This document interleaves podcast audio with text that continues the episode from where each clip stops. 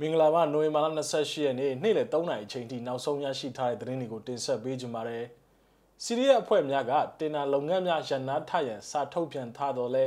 တင်နာလျှောက်ထားသူ90ရာခိုင်နှုန်းကျော်ရှိတယ်လို့သိရပါတယ်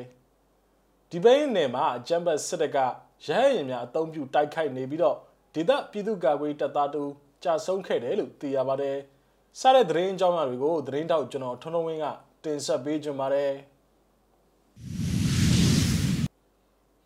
ထမဆုံးအနေနဲ့တင်ဆက်ပေးခြင်းတဲ့သတင်းကတော့ချင်းပြည်နယ်အတွင်းမှာအကြမ်းဖက်စစ်ကောင်စီကချပေးတဲ့တင်နာလုပ်ငန်းများနဲ့ညီသည့်စီမံကိန်းများကိုမှလှုပ်ဆောင်ခြင်းမပြုဖို့ကိုသက်ဆိုင်ရာနယ်မြေလိုက်ချင်းပြည်သူ့ကာကွယ်တပ်စီရီယအဖွဲ့များကသတိပေးစာထုတ်ပြန်ထားတော့လဲတင်နာလျှောက်ထားသူ90ရာခိုင်နှုန်းကျော်ရှိတယ်လို့ဝန်ထမ်းတို့ထံမှသိရပါတယ်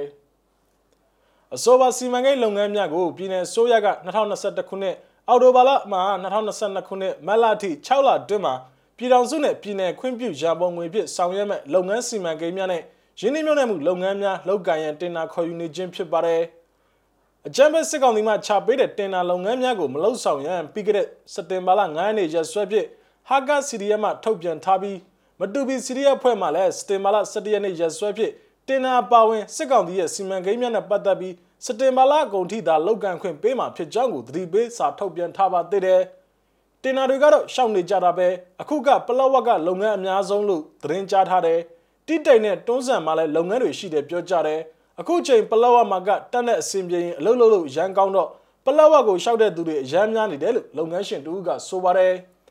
ချင်းမင်းနဲ့မင်းတပ်မြို့ပြည်သူ့အုပ်ချုပ်ရေးအဖွဲ့မှလည်းတင်နာလုပ်ငန်းများနဲ့ပတ်သက်ပြီးယမန်နေ့နိုဝင်ဘာလ25ရက်နေ့ရက်စွဲပြည့်အကြမ်းဖက်စစ်ကောင်စီကခွင့်ပြုထားတဲ့ တိဆောက်ရေးလုပ်ငန်းများကိုလောက်ကင်ခြင်းမပြုရတဲ့ဆောင်ရွက်ဆက်လုပ်ငန်းများကိုရန်နာဖို့ကိုအတိပေးစာတစ်စောင်ထုတ်ပြန်ထားပါတယ်။ဖလန်းမှာတော့တင်နာလျှောက်တာတွေနဲ့ပတ်သက်ပြီးလလောဆယ်တော့အရေးယူတာတွေမရှိသေးဘူး။ကြေးရတွေမှာလောက်တာတွေကအားလုံးရက်ခိုင်းထားပြီးပြီးအခုမျိုးရင်းကတင်နာလျှောက်ထားတဲ့သူတွေလည်းအရေးယူမှုတွေအလင်းသင့်တယ်လို့စလုပ်တော့မယ်လို့ချင်းမျိုးသားအဖွဲ့ CNO မှတာဝန်ရှိသူတို့ကဆိုပါတယ်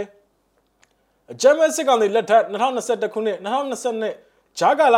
ဗန္နာရေးနှစ်များမှာပထမဦးဆုံးအကြိမ်ခေါ်ယူတဲ့လုပ်ငန်းများအတွက်တင်နာလျှောက်ထားသူ90ရာခိုင်နှုန်းနဲ့ရှိနေပြီးတော့တိုက်ပွဲဖြစ်ပွားမှုမရှိတဲ့မြို့နယ်များမှာရှိတဲ့လုပ်ငန်းအလုံးဒီပါလျှောက်ထားကြတယ်လို့ဆိုပါလုပ်ငန်းများနဲ့နှီးစပ်တဲ့ဝန်ထမ်းတို့ထံမှသိရပါတယ်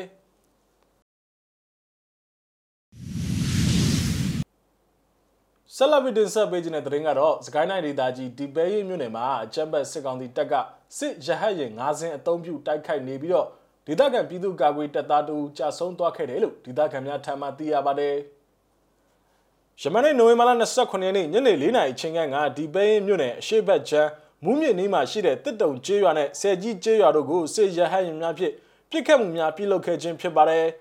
။လလော့ဆယ်တော့ကိုဟိမင်းထုံဆုံးတယ်ဆိုတာအတီးပြုလို့ရပါပြီ။ဘယ်နေရာတွေတနက်မှန်တယ်ဆိုတာကိုတော့အသေးစိတ်ကိုမသိရသေးပါဘူးလို့ရွာသားတို့ကဆိုပါတယ်။ အဆိုပါပြစ်ခတ်မှုတွေကြောင့်တစ်တုံကျေးရွာမှာပြည်သူ့ကာကွယ်တပ်သားဖြစ်သူအသက်26နှစ်အရွယ်ကိုဟိမင်းထွန်းတနက်မှန်ကကြာဆုံးသွားကြောင်းကို၎င်းကအတီးပြပြောဆိုပါတယ်သူတို့ဘက်ကရဟရင်55ရွာပေါ်မှာဝဲလာပြီးတော့ဒဇင်းကသူတို့ဆင်းမဲ့နေရာတွေကိုဘောက်ကုံတဲ့အထိပြစ်ကြတယ်ကြီး90ပါ MA 15 7နက်ဖြစ်ဇက်တိုက်ပြစ်ခတ်ခြင်းဖြစ်ပြီးတော့ညောင်လဝင်းကျင်မှာဆင်းတယ်တနေရာမှာဆိုရင်ဘုံသီးနဲ့မှာပြစ်တယ်လို့ပြစ်ခတ်မှုဖြစ်စဉ်ကို ဒီပိုင်းအရှိချံပြည်သူ့ကာကွယ်တပ်ဖွဲ့တာဝန်ရှိသူတို့ကဆိုပါတယ်ရဲရင်များဆင်းသွားတဲ့ညောင်လကျေးရွာကယခုပြစ်ခတ်ခံရတဲ့ရွာများနဲ့ကပ်လက်တီးရှိပါတယ်စစ်ရဟရင်များနဲ့တူစစ်ကောင်စီတပ်သားများဆင်းလာက9မိနစ်ဝန်းကျင်အတွင်းမှာလေးစင်ပြန်လည်ထွက်ခွာသွားကြောင်းရဲရင်ဒဇင်းမှမှုကျေးရွာပေါ်မှာ15မိနစ်ခန့်ဝဲပြန်ပြီးမှပြန်လည်ထွက်ခွာသွားတယ်လို့ကျေးရွာဒေသခံများကဆိုပါတယ်စစ်ရဟရင်များရုတ်တရက်ရောက်လာတဲ့အတွက်ရွာမှာရှိတဲ့ပြည်သူများထွက်ပြေးတိတ်ရှောင်နိုင်ခြင်းမရှိဘဲနေအိမ်များအထဲမှာသာပုံခုန်နေရခြင်းဖြစ်ပါတယ်။ ရွာနီးနားကိုတော့သူတို့တက်ကပိတ်ပြီးဆင်းလာတယ်လို့မျိုးလောက်တာရွာသားတွေလည်းထွက်မပြေးတတ်ဘူးလေအခုတော့ပိတ်မိတဲ့သဘောပေါ့လို့ပြည်သူ့ကာကွယ်တပ်ဖွဲ့မှတာဝန်ရှိသူတို့ကဆိုပါတယ်စစ်ကောင်စီတပ်ဘက်ကဆိုပါရဲရင်များပြစ်ခတ်ခြင်းကြောင့်ကြေးရွာသား18ဦးသေဆုံးခဲ့တယ်လို့ယမန်နေ့ညနေပိုင်းကသတင်းများပြန့်နှံ့ခဲ့တော့လဲအဆိုပါသတင်းမှာမှားယွင်းကြောင်းကိုပြည်သူ့ကာကွယ်တပ်ဘက်ကအတည်ပြုပြောဆိုပါတယ်အဲ့ဒီသတင်းကတော့သတင်းအမှားပါမဖြစ်နိုင်ပါဘူးဒါပေမဲ့ညောင်လာရွာဘေးကတစ်တုံကျွရွာက ကာကွယ်တပ်သားတူကြတာဆိုတဲ့သတင်းတော့ရတယ်လို့၎င်းကဆိုပါတယ်ဒီကနေ့နိုဝင်ဘာလ28ရက်နေ့နနက်8နာရီချိန်ခန့်ကလည်းဆိုပါစစ်သားများရှိနေတဲ့အနီးဝန်းကျင်မှာတနက်တန်နဲ့မိုင်းခွဲတန်များကြားရကြောင်းကိုဒေသခံများကဆိုပါတယ်အဆိုပါပြစ်ခတ်မှုများဖြစ်ပွားခဲ့တဲ့ရွာများနဲ့အနီးမှာရှိတဲ့ဆယ်ကြီးကျေးရွာမှာတပ်ဆွဲထားတဲ့စစ်ကောင်စီအင်အား40ကျော်ရှိတဲ့စစ်ကောင်စီတပ်နဲ့ပြည်သူ့ကာကွယ်တပ်ဖွဲ့တို့ကပြီးခဲ့တဲ့နိုဝင်ဘာလ26ရက်နေ့ကထိတွေ့မှုတွေဖြစ်ပွားခဲ့ပါသေးတယ်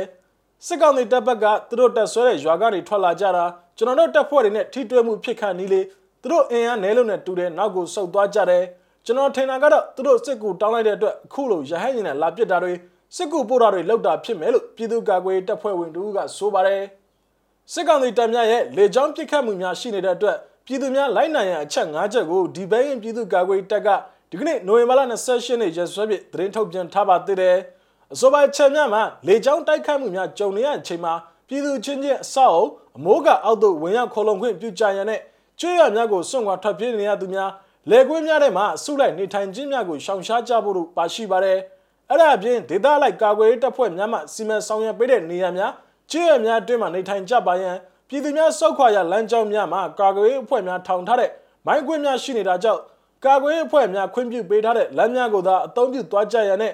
အကြမ်းဖက်စစ်ကောင်စီအများပြားမိုးကအုတ်ကားများဖြင့်ဝင်ရောက်နေတာကြောင့်ပြည်သူပြည်သားများကားပိုင်ရှင်များနေဖြစ်လဲမိုးကအုတ်မောင်းနှင်ခြင်းလုံးဝလုံးဝမပြုတ်ကြဖို့ကိုဆိုပါထုတ်ပြန်ကြတဲ့မှာပါရှိပါတယ်အေးဒီမဲ့ဒီမဲ့တို့ရွာကောင်းရင်ရောက်ပြီ90 90ရွာကောင်းရင်မှာရွာကောင်းရင်ပေါ်မှာတို့ရွာတောင်ချမ်းတောင်ချမ်း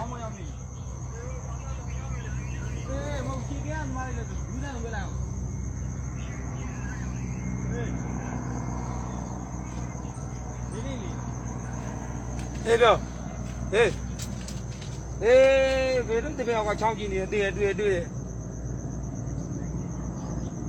ဟုတ်တော့တယ်အဲ့ဒီဘက်ဒီပါလား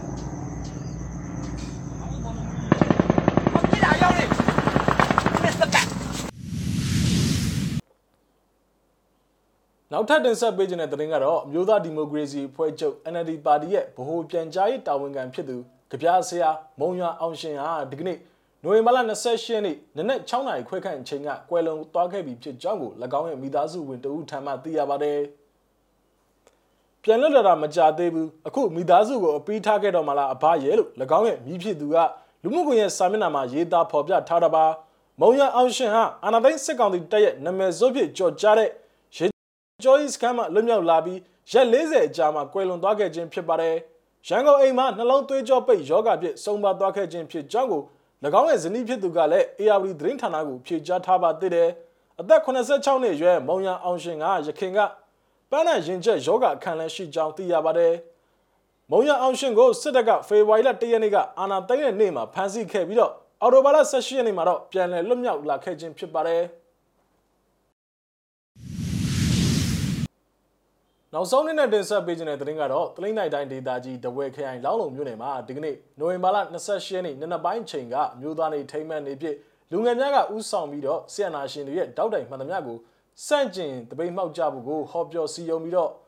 စစ်ကြောမခံဘူးညင်းဆန်မျိုးသားနေဒိတ်ထန်ကြွေးကြော်တန်များဖြင့်ဆီယနာရှင်အလိုမရှိကြောင်းကိုလမ်းလျှောက်ချီတက်ဆန္ဒပြခဲ့ကြပါတယ်ဆန္ဒပြဗီဒီယိုဖိုင်ကိုကြည့်ရှုရအောင်ပါ တောင်းတောင်းများမြို့ပြည်များခြေသွင်းတောင်းတောင်းလူများဒီကနေ့ခြေပြီးဦးတော်ကြီးတက်လို့ဆောင်ရတိုက်ချောင်းနေတယ်။ဒါပေမဲ့လူတို့လို့ဆောင်မှုတိုက်ပေါ်လို့တိုက်ပေါ်လမ်းတယ်ဖြစ်သွားတယ်။ဒါပေမဲ့လူတို့တက်ပေါ်မိဘပြည်သူလူတို့လူတွေတော့ပြည့်လို့ပူပေါင်းပေါင်းနေတဲ့ဆောင်းရည်လည်းဒီမှာတော့ဒါကြောင့်မို့တို့ကဒါပေမဲ့လူတို့တက်ပေါ်လမ်းစဉ်ကိုဘယ်လိုမှတိုက်ပေါ်လမ်းစဉ်ကိုစိတ်ကြည်နဲ့ကျွန်တော်ကတော့သိချင်ပြီးတော့တော်ရည်အောင်ပြီးခြေတက်ရအောင်ဖြစ်သွားတယ်။ ဒီလိုပြည်လို့လားဒီကနေ့ကျွန်တော်တို့ဒီလိုပြည်လို့လက်ရှိမှာခြေတွေမတက်ပြီးတော့တယ်ကျွန်တော်မျိုးပြည်လို့ကျွန်တော်ဒီလိုလူတွေကိုဟဲ့လူသက်ဖွင့်နေတဲ့ဖက်ဖွင့်စီမလေးကျင်းနေတဲ့ဘာသာစတဲ့တော်နေကြတဲ့အချိန်ကိုရောက်ရှိနေပြီပါတော့ကျွန်တော်တို့သမိုင်းအင်တာဂျေတီရဲ့အချိန်ကိုရောက်ရှိနေတယ်ကျွန်တော်မျိုးပြည်လို့ကျွန်တော်တို့ကျွန်တော်မိဘပြည်လို့အားကိုကျွန်တော်တို့အများကြီးကြည့်ပါတယ်ကျွန်တော်မိဘပြည်လို့ရဲ့လူထုအားကိုကျွန်တော်တို့ကြည့်ပါတယ် ကျွန်တော်မိဘပြည်လို့လူထုအားနဲ့လက်ရှိအင်းရဲ့ကျွန်တော်တို့တိုက်ထုတ်နေလို့ပေါ်လာနေတယ်ဒီလိုကျွန်တော်တို့ပြင်နေသိဆုံးနေတယ်ဆက်အောင်ကြည့်နေကြတယ်ကျွန်တော်မိဘပြည်လို့လူထုအားနဲ့တိုက်ထုတ်နေလို့မလို့ကြည့်ပါကျွန်တော်တောင်းနေတယ်လို့လူတွေရှိပါတယ်အမမမဂျေရီကြီးတွေချက်ပြီးတော့တို့ရဲ့ဆောင်းတွေကိုအနာဂတ်တွေကိုဂျေရီတော့တို့ရဲ့ဆောင်းကိုဖေးပေါ်ပြီးတော့ ဟုတ်ကဲ့ပါနိုဝင်ဘာလ28ရက်နေ့နေ့လယ်3နာရီချိန်ထိနောက်ဆုံးရရှိထားတဲ့သတင်းတွေကိုကျွန်တော်တို့မျိုးစိမှာဝိုင်းတော်သားများကနေပြီးတော့တင်ဆက်ပေးခဲ့တာပါမြန်မာပြည်နယ်မှာနေထိုင်တဲ့မိဘပြည်သူတွေအကုန်လုံးဘေးရန်နဲ့ကင်းရှင်းကြပါစေလို့ဆုမကောင်းတောင်းရပါတယ်လက်ရှိဖြစ်ပေါ်နေတဲ့ COVID-19 ကပ်ရောဂါနဲ့ပတ်သက်ပြီးအထူးကြီးစိုက်ကြဖို့ကိုကျွန်တော်တို့မျိုးစိမဝိုင်းတော်သားများကတိုက်တွန်းလို့ဆိုချင်ပါတယ်နောက်ထပ်ရရှိလာမယ့်သတင်းတွေအတူတူကျွန်တော်တို့ပြန်လာခဲ့ပါမယ်